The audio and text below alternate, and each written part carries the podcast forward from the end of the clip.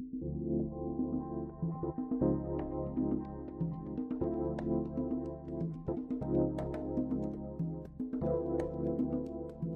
en welkom bij een nieuwe aflevering van Maternity Journey. En vandaag heb ik een nieuwe gast. Hey, ja, ik ben Safira. ik ben 24 jaar en uh, ik zit hier voor mijn dochtertje Inoa.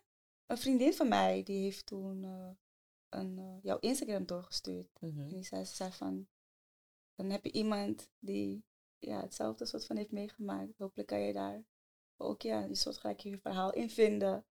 En, en toen, toen, zag je dat. Ja, toen en zag toen ik, dacht je, ja. En toen heb ik een bericht gestuurd, inderdaad. En zo zijn we in contact gekomen met elkaar. Mm -hmm. ja. Oké, okay, want je hebt dus je dochtertje verloren. Ja. Daarom zitten we hier helaas vandaag. En kun je ons meenemen in het verhaal wat er precies is gebeurd? Ja, ik was, um, ik denk 20 toen ik erachter kwam toen ik zwanger was. Mm -hmm. mm, dat was op 19 september 2018.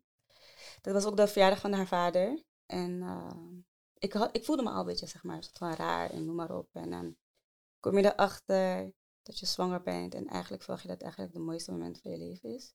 Ik was ook heel blij. Ik was ook echt geschrokken. Want de huis was echt over de toonbank. Nou, gefeliciteerd, je bent zwanger. Echt zo van... Oh, zo hard ook. Ja, en, en iedereen kijkt me aan van... Nee. En ik was zo en ik was zo van, huh? Maar je ging naar de huisarts, want je had klachten? Nou, of? het ding was... Um, ik had gewoon honger, continu. Gewoon continu honger. En ik lustte ook de gekste dingen. En ik moest echt hele patat eten.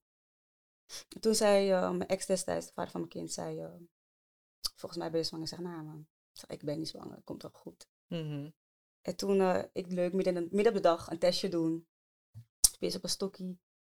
en ik zei dat ding zo neer. Ik denk, oh, één streepje klaar. Dus Ja. nu, ik, loop, ik liep weg in mijn handen was, ik loop terug.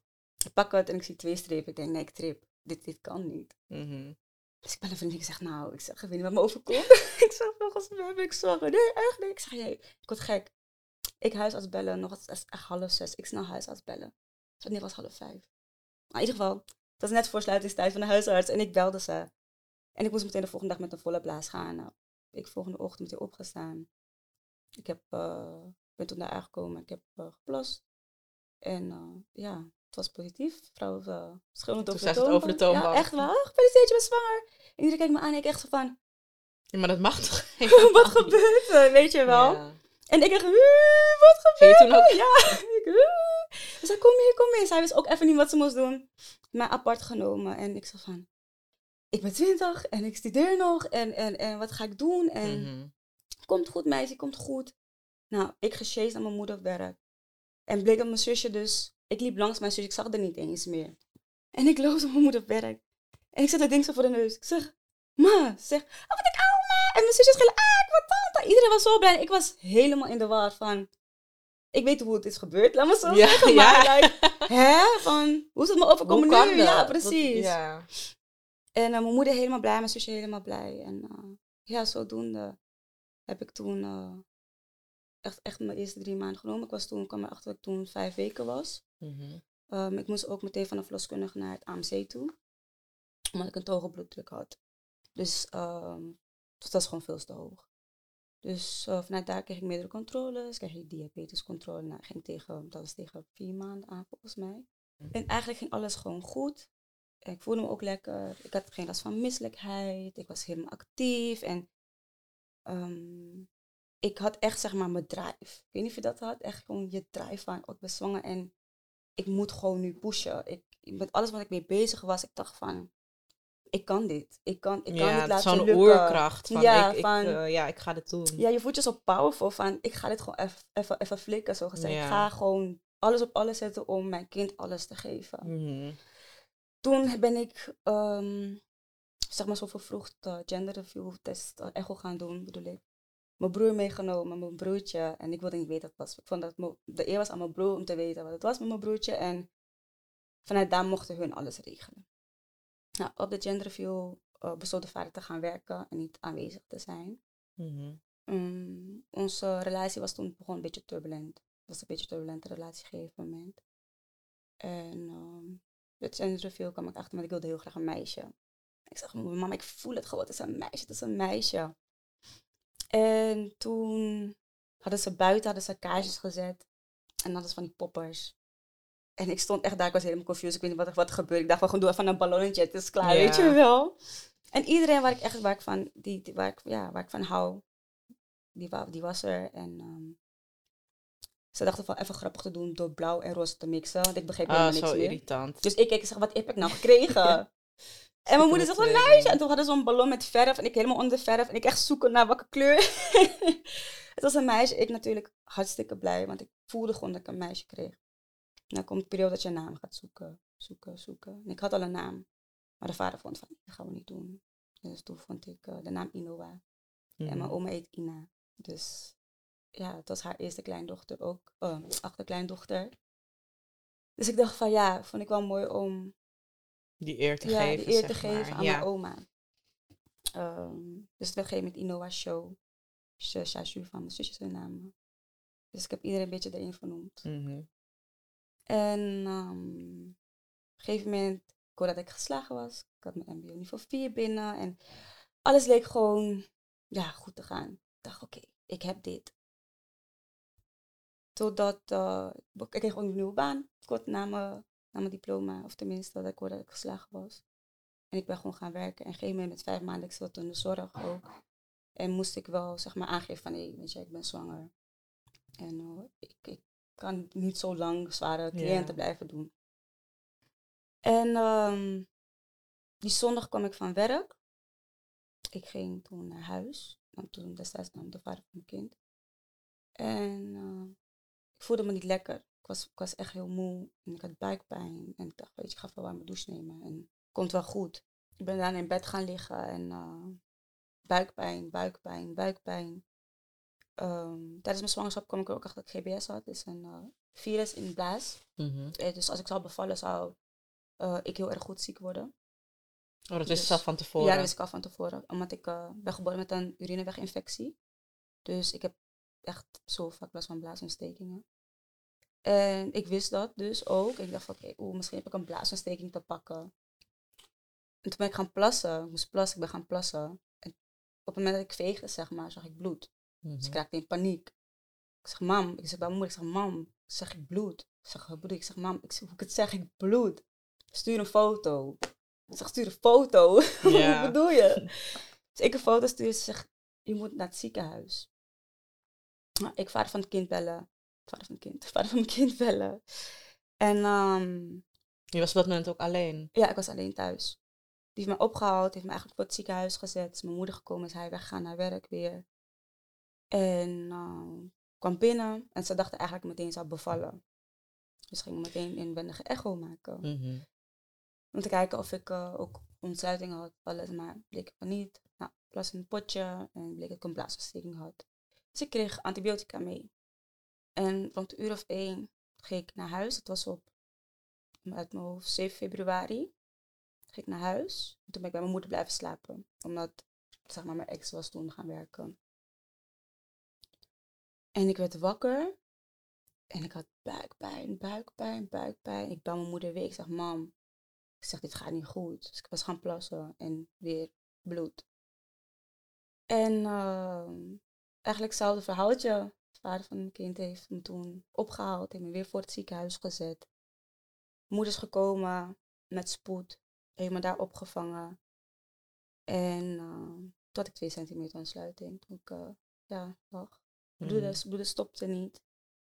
En eigenlijk wat ze me vertelde was van, als, als het stopt, zeg maar, als de bloeding stopt, dan gaan ze me, zeg maar, gaan ze mijn baarmoedermond dichtmaken. Want ik had, dus net als wat ik van jou ook weet, zeg maar, lage baarmoedermond. Ja. Uh, van jou het voor kort, ik had een lage. Mhm. Dus, ehm ze van, als dat stomme bloeden, maken ze het dicht en dan willen ze het rekken tot je eigenlijk de, de longen van het kind rijp genoeg zijn om, zeg maar, de couveuse te kunnen gaan.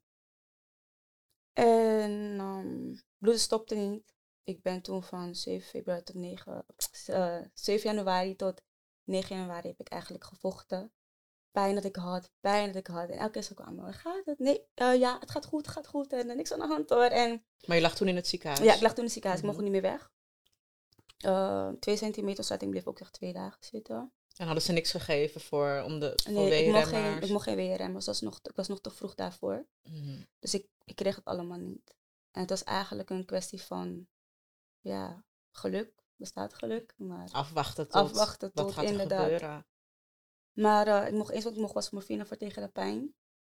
Eh, maar in de nacht werd ik ook echt wakker van de pijn. Ik kon niet. En ik maar liegen, liegen. Van nee, het gaat goed. Maar geef me wel een beetje morfine, zeg maar. Maar je wou gewoon niet toegeven ik aan wilde de inderdaad, ja, denk ik wilde niet toegeven. Ik wilde niet, niet, niet zeg maar dat, dat het zou gebeuren, Ja. zo gezegd. En 9 januari kreeg ik bezoek, vriendinnen kwamen langs. En haar peetmoeder, wist al wie de peetmoeder zou worden. Had gevraagd op de gender review en die kwam ook even leuk doen in de kamer. En die ging toen weg en toen viel ik in slaap. Om een uur om kwart over vier werd ik wakker. En eerst wat ik zei, ma, ma. En ze keek me aan, ze hing boven mij. Ik zeg, ga nu persen. Ik kon niet meer. Ik kon, ik kon niet, ik moest. Mhm. En voor het wist stond de kamer vol met ik weet niet wie allemaal. Ja, binnen tien ja, seconden. echt, ja. echt. Ik zeg, de kamer was zo vol. Ik, ik kon niet eens om mij heen kijken. Ik wist ook niet wat er gebeurde. Ik heb ook best wel um, blackout, zeg maar, van die dag. Ehm, want mensen vertellen maar, ja, ik ben ook gekomen komen kijken en foto. Maar ik zeg, Ja, ik kan gewoon niet Ja, herinneren. Ik kan niet- in ja. Een, in een bubbel natuurlijk. Ja, precies. En ik, ja, en de kamer stond echt vol met van iedereen allemaal. En ik kan me nog herinneren, een vriendin ging aaien over mijn been. En ik schreeuw, "Ha, stop met aaien over mijn been! Stop met aaien! En je vraagt persen. En ik zeg, voor je het wist was ze helemaal onder vruchtwater. Ik zeg nog, sorry, sorry, sorry. Ze zegt, nee schat, ben ik gewend. Ik zeg, sorry, sorry, sorry. Maar ondertussen was ik al sorry aan het zeggen op het moment dat ik eigenlijk wist van, het gaat nu gewoon gebeuren. Het is gewoon afgelopen nu. Oh, daar ga ik hoor. En ehm, met drie keer persen was ze er eigenlijk. Mhm. Ja, echt zonder moeite. Drie keer persen levend en wel. Ik heb er bij me genomen, maar de vader was er ook niet. Ja. Thank you. Ja, de vader was er ook niet. En ze werd eigenlijk meteen bij me gelegd. En sportelen. En de voetjes. En je zag wel de wenkbrauwtjes. En alles leek gewoon compleet, maar dan heel klein eigenlijk. En eh, mijn moeder heeft toen de navelstreng doorgeknipt. Ik heb haar toen gezegd, mama, weet alsjeblieft van me doen. En eh, het mooie was, ze heeft tien minuten lang volgehouden. Dat zelf de verloskundige dacht van, misschien is er nog wel kans. Dus ze heeft ja. ja. snel iemand anders erbij gehaald. En heeft gezegd van, nee, we moeten er echt gewoon laten gaan. En ehm je bent, ja, machteloos. Mhm. Ik heb er bij me, nou, ze hebben mijn t-shirt van me uitgetrokken. Ik heb er bij me gehouden. Tien minuten lang eigenlijk. En voelde gewoon het hartje gewoon stopte in mijn hand. En toen kwam haar vader binnengerend. En ehm, die zakte in elkaar. Nou, mijn moeder moest het opeens voor iedereen er zijn. En ehm, mijn broer, dat was mijn broer, was er, mijn zusjes waren er, mijn nicht, de peetmoeder. Al, al, iedereen die, zeg maar, eigenlijk, ja, ging wachten op haar komst eigenlijk. Ze dachten eigenlijk dat, was ja. Ja, ze dachten eigenlijk dat, ehm, dat ze er gewoon was, zeg maar. Dat er, dat, dat er wat was. En of ik wist nog, een vriendin kwam binnenlopen en die was helemaal in shock, want die dacht gewoon, ik heb een kind gekregen. En ik dacht van, hoe zijn jullie opeens allemaal hier? Ik, ik kon het niet, zeg maar, plaatsen. Ik was zo bezig met haar en ik heb ook daarna een gegeven moment gevraagd van even iedereen gewoon even eruit kon. Ehm, nou, dan komt de verloskundige of assistent van de verloskundige, die gaat komt naar foto's maken. Ging naar foto's eh, van ons maken. En nou, zo bleef het eigenlijk doorgaan foto's maken. En ehm, op een gegeven moment moest ze in water gelegd worden. Mhm. Dat was raar omdat ze verkleurde. Dus ehm, ze werd zeg maar van, ja, babyroze ging ze naar paars eigenlijk. En dat was best wel schrikken. Mm, werd ze in water gelegd naast mij. En ik keek echt wonderbaarlijk naar hoe ze zeg maar weer naar babyroze ging. Dat is best wel, klinkt best wel gek. Maar ik keek echt mijn ogen uit van wauw, je bent echt bijzonder. En nou ja, kreeg ze, de gemeente was uitgehaald, afgedroogd. Ja, wat inktvoetjes, handjes en alles. Naam Gewoon herinneringen opgeschreven, maken. Ja. Ja. Nou, kwam iedereen weer binnen. En ik wist gewoon alleen dat ik niet kon stoppen met huilen. Elke keer als ik mezelf weer rustig kreeg en mezelf weer sterk kon hebben voor het moment om gewoon te kunnen genieten, barstte ik weer het aan uit. En ehm, eigenlijk was het bij mij meteen van, ga je er mee, wil je meenemen, kan ze hier blijven? En ik wist het gewoon niet. ehm, ik wist niet wat ik moest doen. En toen heb ik gezegd, nee, ik kan het niet. Uh, ja, ik kon het niet. En eigenlijk... De keuze maken of mee naar Ja. huis? Mee naar huis en, en, en de keuze eigenlijk Mhm. maken. Want ik wilde er bij me hebben heel graag. Maar ik was, het, het, het gebeurde ook opeens allemaal heel snel. Terwijl het is echt in het tijdsbestek vanaf de mensen bevallen. één voor half vijf tot midden in de nacht. En voor mij is alles in een uur gebeurd. Als ik erover zeg maar, terug ben qua gevoel. Ja. En ehm gegeven moment Je moet ineens zoveel Ja, keuzes, keuzes maken. maken, ja. Dat had ik ook inderdaad. Dat je dacht van, huh, je bent twee uur geleden ben je gewoon nog zwanger. En ja, je weet dat er iets aan de hand is. Maar, en dan ineens twee uur later ben je aan het bevallen. En dan moet je ineens, ben je ineens in een hele andere situatie. Ja, en daarom zeg ik van, net als, ja, ik weet niet hoe jij, maar het duurde qua, als je het zeg maar met andere bespreekt die erbij waren, of weet je, dan is het echt in een hele lange tijd gebeurd, een paar uur, maar dat gevoel zegt je gewoon van, alles in een uur van mij afgenomen en het is Mhm. weg en ik was opeens, ja, weer terug in mijn normale leven zonder, zonder kind. En ehm ik, ze hebben me gewassen en eigenlijk ehm, werd ik naar buiten gerold. Op dezelfde dag, dezelfde dag van de bevalling. En waar ik knapte, was midden in het ziekenhuis. eh, dat ik besefte van, ik vertrek echt zonder mijn kind. En toen had ik het niet meer. Ja, het is wel lastig. ja, toen had ik het niet meer. Ik heb Nog ook één. volgens mij de hele ziekenhuis bij elkaar geschreeuwd. Maar die heeft me echt vastgehouden. Want ik echt in die rolstoel en niks besefte ik ook meer. Ik wilde ook niet meer. En op het moment Mhm. dat je zwanger raakt, zeg maar, heb je... Tenminste, ik had dan mijn hele leven eigenlijk al uitgestippeld met mijn kind. Ja, want je, je weet Ja. dat je leven gaat veranderen. Dus Klopt. Ja, je, je, je staat heel anders in het leven. Ja. En het is niet dat het verandert omdat je kind niet meer leeft. Want je was al een ander persoon, want je Ja. wordt moeder.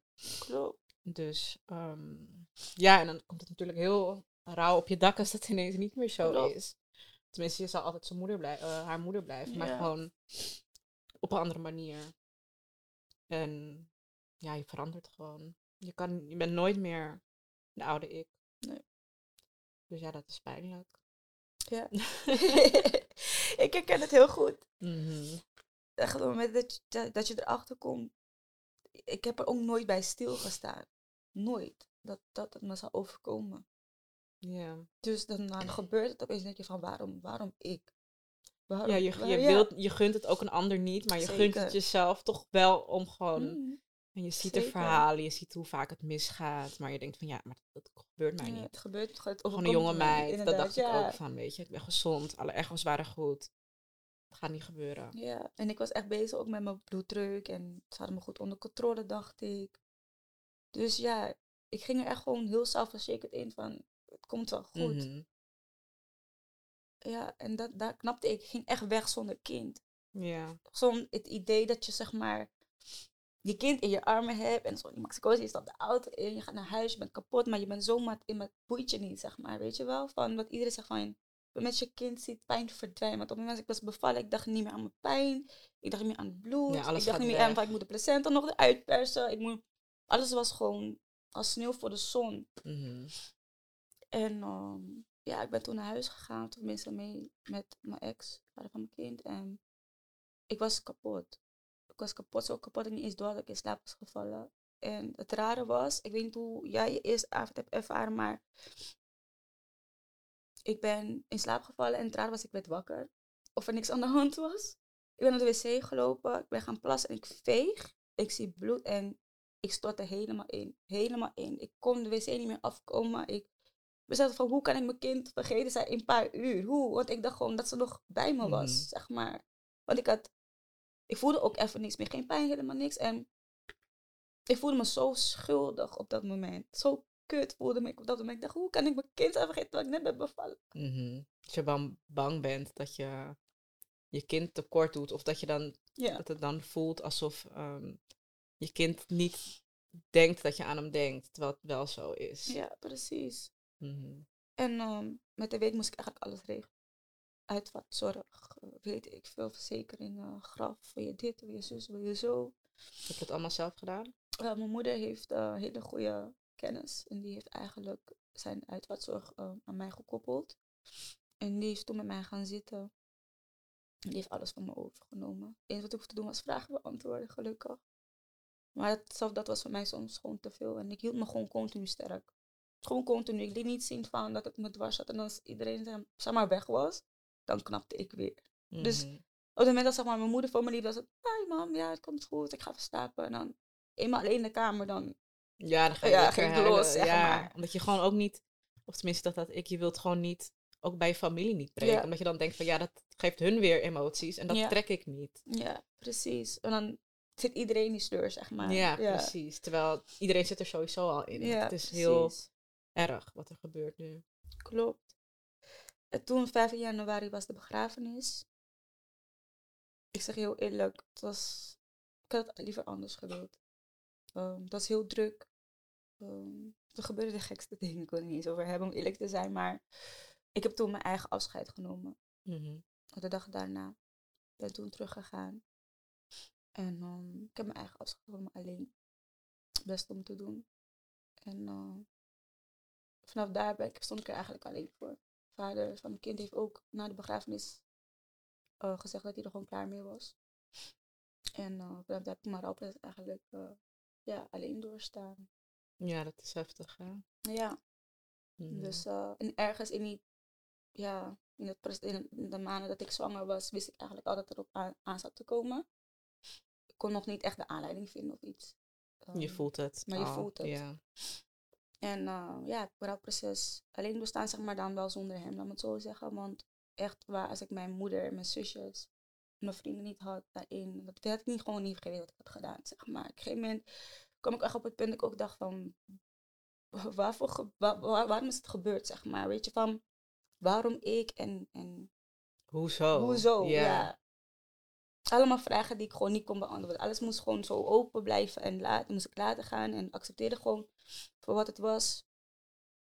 En ehm, op een gegeven moment ging ik echt gewoon wekelijks naar het grafje. Wekelijks naar het grafje. Toen werd het maandelijks of om de twee weken. Toen werd het een maandje. En opeens ben ik vier jaar verder. Ja, en dan elk jaar dacht ik van, hoe is alle jaar? Oké, het Mhm. zou nu jaar zijn. Wat voor thema zou ik doen met de verjaardag? Of nu zoals het twee oh ja, nu zou ik echt met op vakantie willen gaan. Oh ja, en ik zou nu dit met hebben gedaan. En kort daarna kwam zeg maar, ik beviel 9 januari en mijn broer kreeg zijn zoontje in april. Dus dat was voor mij ook heel erg Confronterend, confronterend, ja. zeg maar. Ik weet niet, zeg maar, want ja, ook dan verlies je kind en dan opeens Heb je een ander kind Ja, die dan, ze zouden samen spelen, zelfde leeftijd ongeveer. Precies, we zouden een maandje verschillen, want ik zal mei bevallen. Mhm. En mijn broer kreeg zijn zoontje in april. Dus ze zouden echt niet veel verschillen van elkaar. En dan zie ik hem en denk ik van wauw. wauw. Is dat soms nog steeds lastig? In het begin was het heel moeilijk. Vooral als hij dan bleef slapen en hij huilde. En dan schrok ik van, Mm. en denk ik van, oh nee, wacht even. Het is Nee, niet mijn het is kind. niet mijn ja. kind. En dan de positie gaan zoeken opeens als tante of zo. Ik weet niet. Ik moest opeens echt mijn positie vinden als tante. Terwijl ik ben gewoon tante. Maar ik was bang dat als ik te veel deed, ja. dan was het, keek hij me dan misschien raar aan. Of Mhm. Vond mijn broer dan dit. Of ik weet niet. Er kwamen allemaal gedachten in mijn hoofd die eigenlijk niet nodig was, zeg maar. Ik ben ook kort daarna ben ik weer op mezelf gaan wonen. Ik ben na de bevalling eigenlijk meteen gaan werken. Ik heb mijn diploma opgehaald. En mijn klasgenoten dachten van, wow, wat doe jij hier? ja. En eh, iedereen schoot in tranen. Echt toen ze me, uit in tranen toen ze me zagen. Ik dacht van, wow, weet je. En ik dacht van, ik kom Ja, niet want voor dan dit word jij hier. weer ongemakkelijk. Ja, en ik dacht van, ik kom niet voor, voor dit hier. Ik kom echt om mijn diploma te halen en weg te gaan. Mhm. En um, iedereen dacht van, nee, doe rustig, doe rustig. Ga zitten en dit en dat. En ook de dame van uitvaartzorg, ga zitten. Nee, en laat maar, ik doe het wel. En ik zeg, nee, ik wil het Je wou gewoon gelijk, Ja, eh, ik wou gewoon doorgaan, doorgaan, doorgaan. En um, ben kort daarna weer gaan werken. Ik heb mijn diploma opgehaald, huis gezocht, studiootje gekregen toen. Ja, wel supergoed van je. Je dacht gewoon, ik ga door. Ja, en dat heeft me later wel onderuit gehaald. Dat wou ik net Ja. zeggen, vragen. Ik ja. wou net vragen, ja. ja, En hoe lang was dat zeg maar daarna? ik denk tweeënhalf jaar later. Oh, dat is echt na een lange tijd wel. Ja, ik ben keihard doorgegaan. Ik heb ook een tijdje therapie gehad. Ehm, niet afgerond. Want het ging geen moment over veel dingen waar ik eigenlijk niet meer... Want ik kreeg dat, zeg maar, een stukje van wat ik je vertelde over het schrijven. Ja. Mijn emoties klap. Ik wilde niet voelen, ik wilde niet terugkijken, ik wilde niet gezien worden of zo. Vanuit, Mhm. vanuit mijn schrijven. En, ehm, en toen, twee, jaar, ja, tweeënhalf jaar later, dacht ik, klapte het me gewoon. Ik kon niet meer. Ik, ik deed van alles, ik deed te veel. Ik was nooit thuis, ik was continu op mijn werk. En op een gegeven moment moest ik. Het leek of ik wel moest. En toen heb ik het gewoon, ben ik gaan voelen. Ja. Lijkt me ook heel zwaar. Want en dan ineens denk je van, oh, het, gaat, het ging eigenlijk al die tijd helemaal niet goed. Mhm. Klopt. Slaapproblemen, niet slapen. Dus dat kwam eigenlijk een beetje uit het niets, als ik het zo... Ja, het kwam echt onverwachts. Je denkt van, oh, je hebt gewoon een burn-out door te veel werken en dit, dat. En eindstand kom je erachter tussen, door je burn-out heen van, ik heb gewoon te lang gewacht met hele, echt loslaten. En echt, en alles een plekje zoeken. Dus ja. Want was je toen al, die tijd was je niet in therapie, na het verlies van je dochter? Ehm, in de zomer ben ik toen in therapie gegaan, tegen Mhm. eind zomer. Maar ik heb het niet afgerond. Je had gewoon geen Ja. behoefte op dat Nee, moment eraan. was- Of je vond het irritant. Of Niet eens, ik, ik was gewoon opeens klaar. je dacht, ik hoef het niet Ja, meer, ik heb is het niet meer gewoon nodig. hier en niet verder, zeg maar. Ik vond dat wel gewoon goed. Nee, maar sowieso ook voor alles is de juiste tijd. En misschien was dat niet ehm, Ja. jouw moment. Dat kan ook. Ja, maar wat heb jij, zeg maar, qua therapie gevolgd? Heb je... Ja, ik had zeg maar in het ziekenhuis eh, bij Kien, de kinder-IC lopen sociaal psychologen rond. Ja. En daar kan je dan eh, via het ziekenhuis heb je dan wekelijks gesprekken mee. Dus dat had ik sowieso al. Na het overlijden dacht ik al gelijk van, nou, ik heb wel hulp nodig. Ehm, weet je, ik was dan wel gewoon ook alleen. En ik zat hier in huis en ik, ik sliep pas om zeven uur, soms acht uur 's ochtends. Eh, ik ging mijn bed niet uit, ik ging niet douchen. Dus ik had wel gewoon de zelfreflectie van, ik heb wel hulp nodig. Eh, toen heb ik dat ook gezocht. Een paar gesprekken gehad. ehm, en ik ga nu weer eh, naar een andere psycholoog. Twee weken. En we Oh, zitten nu ook te kijken naar EMDR. Omdat ik toch nog wel bepaalde trauma's moet verwerken. En ik heb ook laatste tijd dan... Heb ik bijvoorbeeld dagelijks de deur uitgaan. Bijvoorbeeld laatst, eergisteren was ik dan uit eten. Superleuke dag Mhm. gehad. En dan kom ik thuis en dan begin ik ineens keihard te huilen. Een uur lang. En dan denk ik van... Oké, misschien gaat het gewoon toch niet zo goed, weet je. En natuurlijk, je hebt, je hebt je ups en je downs. Maar ja, ik, ik, ehm, ik denk dat ik toch wel meer onderzoek en dat ik toch wel meer wat diepere gesprekken moet hebben om te kijken waar ik mee deal. En eh, ja, misschien dus wellicht eh, wat intensere therapie, dat het gewoon voor mij nodig is. Maar het is wel mooi dat je dat maar gewoon deur aangeeft. Want ik, Ja, ik vind het wel lastig. en ja, niemand moet Mhm. dichtbij komen. Niemand, als het goed gaat, zeg ik, van, tenminste als mensen me vroegen van hoe gaat het als het gewoon goed. Ja, nee, dat ben ik ook wel. Ik merk dat ik wel bij, ehm, zeg maar, als ik een psycholoog heb of bij de huisarts, durf ik echt wel toe te geven van, nou ja, ik denk dat het wat minder gaat. Dat zeg ik ook.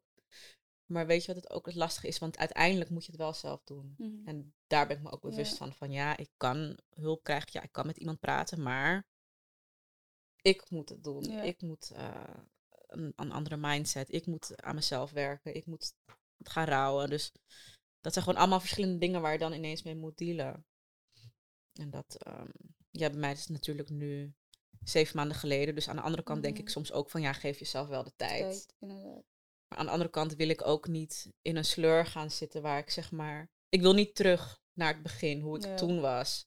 En ik denk misschien van als ik geen gepaste hulp zoek, dat ik dan misschien wel terug ga, weet Ja, je. Of dat je dan. terugval krijgt van, dat je Ja, dat je weer terug bij ja. aan, eh, terug af bij af bent. Ik heb nu wel gelukkig dat ik wat beter slaap. Echt twee, drie uur. Ja, het is, klinkt misschien voor sommigen Dus echt nog laat. Dit is echt iets moois. Ja, maar ik kom van 7, 8 uur 's ochtends, hè. Dus dan is het 2, 3 Ja. uur is, is gewoon top. En weet je, dat je dan ook gewoon wat vroeger opstaat. Dus qua dat gaat het dan wel iets beter. Maar ik, ik, ik heb zeker nog wel ehm, begeleiding hierin nodig. En heb je ook dat je zeg maar, want je hebt heel veel hulp gehad bij je moeder en je zus, toch? Ja. Praat je daar ook gewoon goed mee, nog steeds? Ehm, mijn moeder heeft het, ja, had het best wel zwaar, ben ik laatst achtergekomen. We hebben laatst het gesprek gevoerd en ze is nu echt best wel van... Dat is toch wel schrikken eigenlijk. Het heeft bij haar ook best wel heel lang geduurd ehm, voordat ze dat kon toegeven, heb ik gemerkt. Dat ze zeg maar haar verdriet niet bij jou uh, wou neerleggen, ja. Omdat ja, ze heeft hetzelfde ook meegemaakt. Dan, dan wil je niet dat je eigen dochter, je eerste dochter zeg maar, dat ook Mhm. meemaakt met de eigen dochter. Ehm, dus het heeft best wel veel impact gehad. Ik denk ook op heel veel mensen om me heen. waar ik ook nooit echt bij stilstond, om eerlijk te zijn. Want ik was zo in mijn eigen emoties en het verstoppen van eigen emoties en niet dagelijks erover pra- willen praten. Dat ik ook niet meer kon inzien van, hé, hey, hoe heb jij het eigenlijk Ja, ervaren? maar aan de andere kant is dat op dat moment misschien een beetje hard gezegd, maar dat is niet op dat, Niet moment, op dat iets jou, ja. ja. niet jouw probleem of niet iets waar jij mee moet dealen, hoe anderen zich voelen. Het is heel verdrietig Klopt. iedereen, we hebben allemaal pijn, maar het gaat nu wel om jou. Ja, je, klopt. Jij, het is Inderdaad. jouw kind. En, En dat ook, en dat, dat is ook iets heel moois wat ook bij hun, zeg maar, daar ben ik ook bewust van dat hun daar ook heel, heel erg rekening mee hebben gehouden. Maar na zoveel jaar bij mij, tenminste na vier jaar, eh kreeg je er wel, zeg maar, toch kreeg ik er wel, zeg maar, het gesprek. Of kwam het gesprek ter, ter, ter plekke opeens, dan hadden we het erover en dan zei ik van, maar hoe heb jij het eigenlijk ervaren? ja, En en dan komen er ineens ja, dingen naar boven. Je denk denkt van, oh, oeh, weet je wel, een vriendin van mij maar raakte kort daarna, raakte kort daarna zwanger en die heeft er ook een paar keer opeens bij stilgestaan. En ik dacht van, nergens voor nodig. en dat wist jij dus niet. Dat Nee, viel ze jou niet mee lastig, en zeker. ja, van, ze willen mij niet ermee belasten, terwijl het heeft best wel veel impact gehad, zeg maar. Mhm. Mijn dochter heeft best wel veel impact gehad en dat, daar, daar heb ik nooit bij stilgestaan. Maar inderdaad, op dat moment is het niet hun pijn, maar het is mijn pijn. En daarbij ben ik nu mee bezig. Maar ja, mijn omgeving, ik heb, ik heb er heel veel aan gehad, gelukkig. Want wat mooi is bij jou, je hebt heel veel gehad aan het ziekenhuis ook. Maar ik werd eigenlijk weggestuurd en er is me niet meer gevraagd hoe het gaat. Heb je Oh, hulp nooit. nodig? Mhm. Is er iets wat we kunnen betekenen, kunnen doen? En dat was het. Ik heb ze ook nog meer van ze gehoord. Ze hebben toen... Want ik weet niet, heb jij toen je, eh, besloten om je placenta te laten onderzoeken? Want op een gegeven moment krijg je ook de vraag van...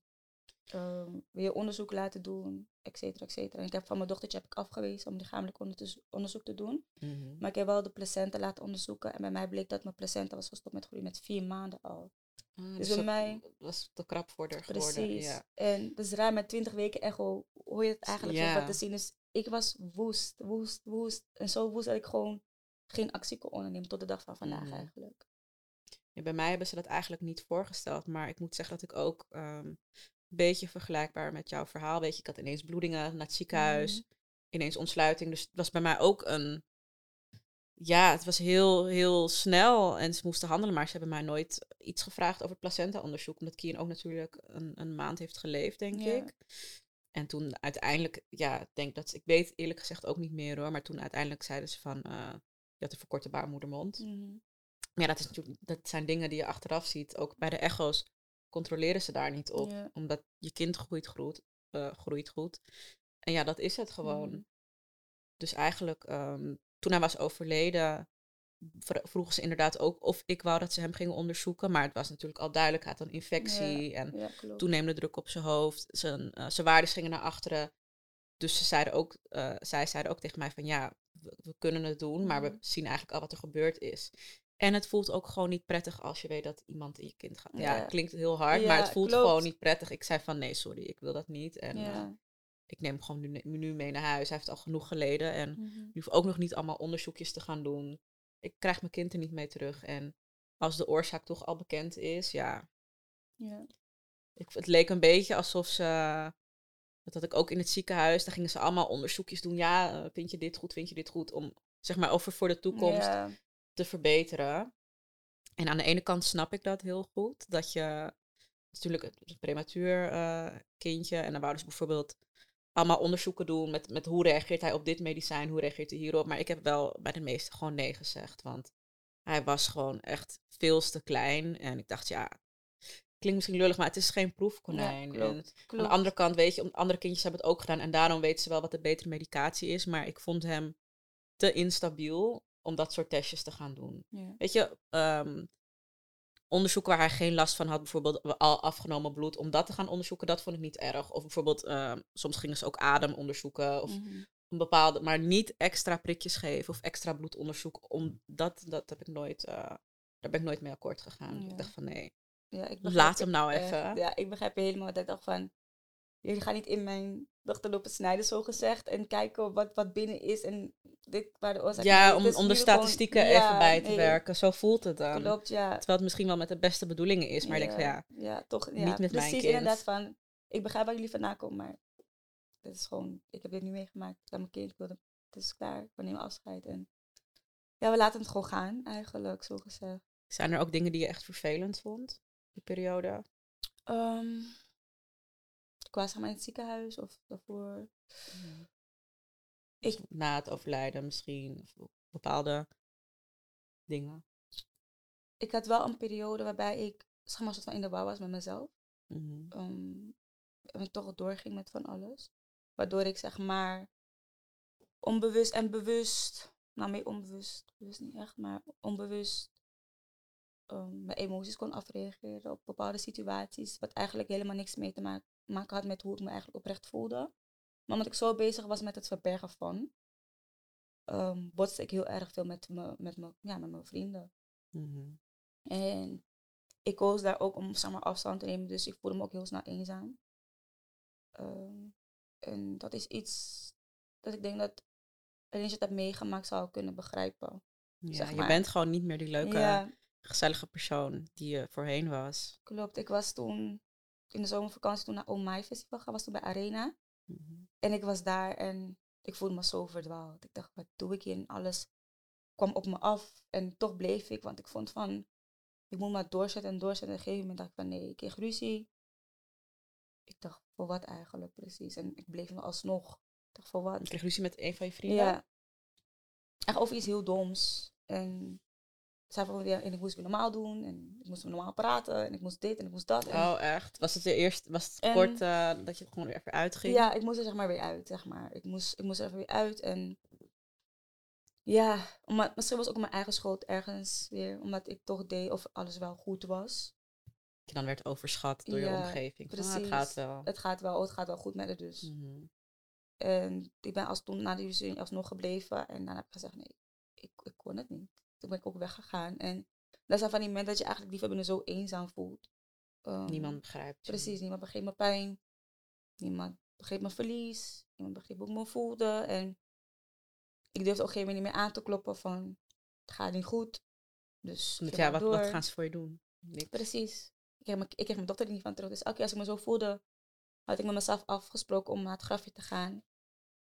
En um, ja, dat was echt mijn rust. Dat was, dat was echt mijn, ja, waar ik gewoon kon ademen. Ja, gewoon waar ik kon praten. En waarbij ik wist van, ik hoef me niet druk te maken over... Hoe, kom ik over? Ja, Begrijpt iemand me verkeerd? Precies. je bent bij je kind. Ja, dus ik heb um, dat echt genomen als mijn plekje. Gewoon mijn, mijn veiligheid. En ik heb er nog steeds daar lekker warm kunnen. Als ik daar kom, dan kan ik mijn handen in de grafjes zetten. En dan krijg ze een nieuw kaarsje. En dan krijg ze nieuwe steentjes en nieuwe bloemen. En praat ik, bid ik. En ja, kom ik gewoon echt weer helemaal tot mezelf. En het mooie is dat mijn oma ook nu daar ligt. Want voor daarna is mijn oma ook overleden. Dus mm -hmm. iedereen ligt eigenlijk op dezelfde plek. Mijn vader, mijn tweelingzus, zij. Dus ja, als ik daar ben, dan voelt het goed. En voelt het alsof ze weer terug is gekeerd naar, weet je, naar mijn oma. En tenminste aan mijn oma nu bij huis. En het voelt gewoon, het klinkt een beetje, misschien een beetje gek, maar... Warm gevoel, ja, fijn. Dat, dat ze niet alleen is, zo gezegd. En welke dingen doe je nog meer alleen? Wandelen.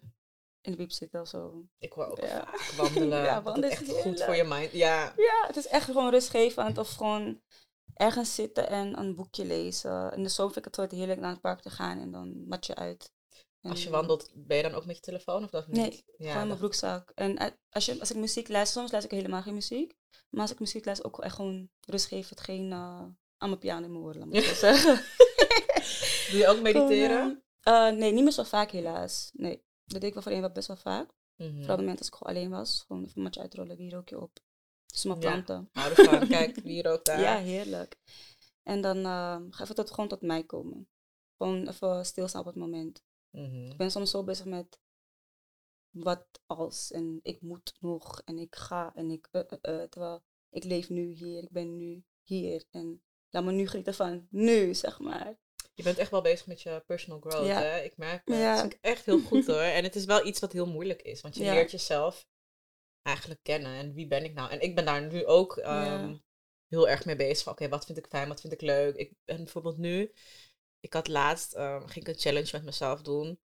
Om zeven uur opstaan. En dan mm. gewoon de dag beginnen, ontbijt maken, dat doe ik niet. Ja, erg hè, die structuur terugvinden. Ja, het was echt ja. heel pittig. En dan ging ik eh, kijken van, oké, ik ging een beetje op, op TikTok scrollen. Ik dacht van, oké, zeven uur 's ochtends, ik ga, ja, ik ga gewoon een ontbijt maken. Ik wist niet eens wat moest ik maken, behalve een tosti. Ik dacht, oh, mensen doen dit, mensen doen een hele bol, mensen doen... Ja, en maar dat is ook die invloed ook een beetje op social media heb ik gemerkt van. Ik zie gewoon hoe ze structuur hebben en ze laten het lijken, maar het is echt niet elke dag zo. Nee, dus ook precies. een beetje, ja, niet streng zijn voor jezelf, maar ook bijvoorbeeld voor het slapen gaan is het wel denk ik belangrijk om een soort van ritme terug te krijgen. vinden, Nadat ik het echt gewoon kwijt was geraakt. Ik was het ook echt helemaal kwijt. Alles, gewoon niet slapen, niet durven te slapen, niet durven te slapen in mijn kamer. En op een gegeven moment, ja, je, je raakt je lichaam kwijt. Je bent continu moe, je raakt jezelf mentaal kwijt. Mhm. Want als je zo moe bent, weet je niet meer hoe je je emoties moet plaatsen. Wat is van mij, wat is van een ander. Weet je, meestal als je zo rustig bent, kan je nog wel een beetje zuiver nadenken. En Ja. dan raak je helemaal kwijt. En ik denk dat stukje stru- structuur terug te vinden voor het slapen gaan heeft mij Want is je slaapritme nu wel gewoon een boek goed? lezen voor het slapen gaan. En Ik ik, heb zeg maar nu ook ook een boek gehaald waarbij ik zeg maar mijn prayers kan opschrijven. Mhm. Dus dan ben ik met dat bezig en dan voel ik me gewoon echt tot rust. Niet dat ik ga liggen en ik denk, nou, continu Niet in je telefoon scrollen. Ja, niet scrollen, de hele tijd mijn ogen zo, weet je, jezelf geoccupeerd houden. Ja, Ja. dat is ook echt mijn fout. Telefoon. Ik heb echt zo'n hoog schermtijd. Echt Ja. schandalig. En ik ben altijd iemand, oh, ik moet voor het slaap gaan nog even scrollen. Nou ja, ik, heb, ik ben, het is heel erg om te zeggen, maar ik ging laatst kijken. 11 uur, 10 uur, 11 uur op een dag ben ik wel gewoon op Ja, mijn dat is bijna telefoon. gewoon je dag, hè? Weet je dat? Ja, ik dag. schaam me ook, want ik zag dan Ja. laatst een interview over mensen. Ja, mijn schermtijd is 6 uur. Kan echt niet. Ik dacht, nou, Mm, Moet je, moet je eens Kom maar weten, ja. Dus ja, dan denk ik, weet je, dat is wel iets waar ik echt ehm, aan wil werken. Maar aan de andere kant denk- ik ook, ja, wat moet ik dan doen? Ja. En dat moet ik gewoon zeg maar ondervinden van, oké, eh, wandelen, even Mhm. tot rust komen. Yoga doe ik soms. Dat is Mhm. ook heel erg ehm, rustgevend. Ja, maar ben je dan in huis of ga je dan echt, echt naar buiten? Nou, echt naar, echt naar buiten. Oké, dat is wel fijn. Ehm, dus ja, het is een beetje lastig om dat eh, te ondervinden. Want ja, ik ga ook dan niet, eh, niet op mijn telefoon om het niet op mijn telefoon te zitten. En dan zit ik Mhm. hier op de bank ook geen tv, want dat is allemaal scherm, weet je. Dus het is heel lastig om dan te kijken van ja, je moet wel iets te doen hebben. Althans, ik. Ik ben ook niet echt een lezer. Mhm. Ik eh, heb het echt geprobeerd. En echt, je hebt dan die mensen, ja, ik ben ook geen lezer, maar dit boek, ja, dat werkt ook niet voor mij. Nee. Want die boek vind ik ook niet leuk. ja. Dus ik ben gewoon geen lezer. Luisterboeken vind ik ook niet leuk. Vind ik Mhm. ook saai. Dus ik ben wel ehm, ja, een lastige persoon voor de interesse, Ja. zeg maar. Ja, en wat vind ik wel leuk? Ja, scrollen op Ja, Insta scrollen, en eh, TikTok. Ja, Oh jeetje, ja. Maar ik denk dat ook een soort van. Ehm, hoe moet ik het uitleggen? Een soort van verstoppen is achter het nadenken. klopt. Zeker. Je dat van. Je, je, het is, een maar telefoon kan soms zo silo zijn. Het is Ja, het is- grappig en je leest van alles. En je, je kan. Een, opeens zet je je telefoon, je bent twee uur verder en denkt, hé, wacht eens even. Net was het zes uur, nu is het midden in de Ja. nacht. En wat heb ik eigenlijk gezien? Ja, iemands en- live hoe die een noedelsoep zit te maken Ja, in de nacht. Ik, dat was satisfying. Spicy noodles. Ja, ja. ik, ik, ik herken het heel goed, maar ik heb mezelf ook echt, zeg maar, langzaam afgesproken. Het heeft, ik zit er nog steeds middenin. Ik zeg niet dat ik het helemaal kan, weet je wel. Mhm. Maar wel dat ik iets heb van, oké, voor het slapen gaan is voor mij echt mijn moment om even mijn hoofd leeg te krijgen. Want Zet je gelijk je telefoon weg? Nee, ik ga wel met ermee naar bed, maar op het moment dat je in de oplader gaat, dan is het ook dat ik gewoon iets heb van, oké, nu niet. Behalve als ik nog zeg maar bezig ben met mijn werk, dan kan ik nog best wel lang doorgaan. Maar dan op een gegeven moment moet ik ook tegen mezelf zeggen van, nee, hier en niet verder. Ik moet nog Mhm. schrijven. En dat is iets wat ik mezelf echt heb gezet van, ik schrijf nu, dat betekent na schrijven, mijn boek gaat dicht en ik ga slapen. En soms heb ik Oh, iets van, een dagje van, oké, ik heb een rustige dag gehad. Nu mag een filmpje op, maar ik word wakker, mijn laptop staat nog open. En ik kijk naar mijn laptop en denk van, hé, hey, wacht eens even. Omdat ik nou merk op het moment dat ik nu ik ga liggen, dat ik nou ook echt moe word. En mijn lichaam Mhm. zegt gewoon, doei, ga maar slapen. Maar je schrijft echt elke dag. Ja. Ja, ik, ja, ik, ben, eh, ik had ook een boekje gekregen, of tenminste zo'n een boekje om in te schrijven. En het staat Mhm. echt, het is naast mijn kussen. Nou, één keer gedaan. Dus het is echt irritant, want ik, ja, ik moet mezelf gewoon dwingen. Dus ik heb echt naast mijn kussen, met een pen nog wel. Hè. Ik, ik heb mezelf echt heel makkelijk gemaakt van, schrijf Alles hier elke dag in. Maar toch, ik vergeet het en dan denk ik, ja, dit is toch leuker. Dus ik moet, Mhm. het is natuurlijk ook een beetje zelfdiscipline die je dan moet hebben. Klopt. Maar Ja. eh, wel goed dat je dat doet hoor. Yes, het, is, het, heeft, het heeft tijd nodig. Het heeft Ja. echt tijd nodig. Toen, hoe lang was je zeg maar daar? Oeh. Ik had altijd, zeg maar, altijd al wel schrijvers en dingetjes, want ik hield op zich wel gewoon van schrijven. Ehm, tot het verlies van mijn dochtertje ben ik eigenlijk gestopt. Ehm, durfde ook niet meer te schrijven. Om elke keer als ik schreef, ging het zeg maar, om haar. Ja. Dus ik besloot toen om eigenlijk dat niet meer te doen. En ik denk... Dat het dan te pijnlijk werd. Ja. Dus dan als ik schreef, ging het over gevoelens. En ik hield er echt niet van om te voelen. Mhm. En eh, vooral niet praten over mijn emoties. Dus ik ging, op een gegeven moment heb ik dat gewoon weggedaan. Elke keer als ik het probeerde. Want ik miste het wel enorm. Dat was mijn, zeg maar, mijn uitlaatklep. En elke keer als ik dan schreef, dan automatisch walt het af naar haar. Dus ja. ik Gaat het weer? daar naar denk jouw van hug, opnieuw ja. en hug, opnieuw. Maar tegen mijn burn-out aan eh, in 2021 dacht ik van, nee, nu is het gewoon tijd. En toen heb ik ook eigenlijk zo'n van, ja, hoe moet ik het zeggen? Niet een afscheidbriefje geschreven, maar meer van de reden waarom ik niet meer wilde schrijven. Dat, dat de Mhm. reden, zeg maar, was. En toen ik het zeg maar op papier eenmaal had en ik kon het teruglezen, dacht ik van, wat hield me eigenlijk tegen? Toen kwam ik achter emoties. En dan moet ik aan mijn emoties gaan werken. Hoe kan ik mijn emoties nu in woorden ombrengen? Hoe kan ik nu mensen laten weten wat ik, hoe ik me eigenlijk voel? En dat was schrijven. Dus dan voel ik wel langzaam weer terug in schrijven, schrijven. Maar door mijn slaapproblemen ehm, merkte ik van dat ik gewoon helemaal geen kracht meer had. Dus ik verzonk echt in tv en telefoon. Mhm. En dat wilde ik gewoon niet meer. Ik wilde weer, zeg maar, Safira zijn. Ik wilde weer blij doen en vrolijk. En ja, wat men me altijd zei, wie, waar is de Safira van toen? En toen ik ook kon accepteren van, nee, ik ben niet meer de Safira van toen. Ik ben nu eigenlijk deze vrouw nu op dit moment. Ja. Toen ik dat ook kon accepteren, dan ging het wat soepeler, soepeler en kon ik weer schrijven langzaam. En dan ging tv ook eerder uit. En het was moeilijk, want je, je tv-ritme, zeg maar, viel weg. En ja, het schrijven kwam er weer langzaam in. En toen dacht ik van nee, dit is, dit is niet wat ik kwijt, kwijt wil. Lees je ook terug wat je opschrijft? Ja, Oh, dan denk ik van wow, wow, voelde ik me echt zo? En dan, Mhm. Denk ik, oh, dit, dit Ja. zo voelde ik me dus. klopt, Ja, en ik kan het echt een niet moment. eigenlijk. Ik heb wel, ehm, toen ik hier in het ziekenhuis lag, elke dag geschreven. En ik heb het in mijn telefoon, het is gewoon een dagboek. Mhm. Maar tot de dag van vandaag heb ik het nog nooit gelezen. Omdat ik weet van, ik was toen heel hoopvol. En ik heb echt, zeg maar, heel gedetailleerd verteld. Elke dag wat de artsen tegen me zeiden. En ik heb het nog steeds niet gelezen. En ik zie wel, Mhm. soms als ik scroll, zie ik die app. En denk ik van, ga ik het lezen? En ik van, mm, Ja, het is dat het toch, eh, toch heel ja. erg ehm, terugbrengt naar dat gevoel. En ja, dat is gewoon lastig. Dus ik denk van, ja, het is wel heel mooi. Want ik heb echt super uitgebreid geschreven. Maar ik denk, ja, ik wil, maar ik wil het ook weer niet verwijderen Ja, in mijn telefoon. Want dat is ook weer zo definitief, Ja, weet je. Dus ja, vind ik een beetje lastig, want dan scroll ik en dan zie ik hem en denk ik van ja, ik weet niet zo goed wat ik ermee aan moet. Maar ik denk dat ik het ooit wel weer wil lezen, sowieso. en dat heeft ook echt tijd nodig. En ik denk dat er- daar geen verplichting aan moet vastzitten. Maar ik zou zeggen, verwijder het niet. Nee, dat is En zonde. ik denk ook voor jou, misschien ben jij niet eens aan het schrijven, maar ook heel veel meer aan praten. Dat je het misschien Mhm. kan opzetten in een, een podcast, wat je nu al doet. Zeg Ja. maar, weet je wel? Of, ik zie voor alles een optie en het is waar jij je veilig bij voelt. Mhm. Want emoties, maar het, is, het zit in ons, maar het hoeft niet ons volledig te zijn. Het is meestal een moment. En dat heb ik vooral achtergekomen toen ik erachter kwam dat ik mijn emoties op, weer op papier kon zetten om Rent, mijn dochtertje. Dat ik dacht van, "Oeh, ik heb hier zo lang mee gelopen en het is nu gewoon weer eruit. En dan lees ik terug en dan kwam er wel een traantje of soms werd ik even boos. Omdat ik weer terug werd gebracht naar het gevoel, maar ik kon het ook weer sneller loslaten. Omdat ik iets van, nee, het is echt een moment. Mhm. En daardoor, zeg maar, kon ik wel steeds beter, beter en steeds meer erover praten. Ja. Je had ook spulletjes meegenomen, toch? Ja. Dus ik had toen ik, maar ja, toen ik zwanger van haar was, kreeg ik zo'n prenatal kaartje. En ik ging dus naar de prenatal en ik zag dit en ik dacht even van, dus, dit is een jumpsuit. En ik dacht echt zo van, oh mijn god, als hij dit aan in de zomer Zo of in de winter. Ja. Met een truitje eronder. En ik had er helemaal ingebeeld hoe ik zo'n match zou gaan. En ja, Super cute. ja, echt heel leuk. Het gaat zo'n grote, want weet je, was jij ook zeg maar helemaal voorbereid met spulletjes halen en doen. Ik had zeg maar een kledingkast en ik had alle kleren en de luiers en de verzorgingsspullen. Maar ik had, ehm, ik had wel alles al wat ik wou kopen, had ik al in een, in een lijstje gezet. Dus qua bed, Ja, ik eh, ook, ja. vloerkleed, alles.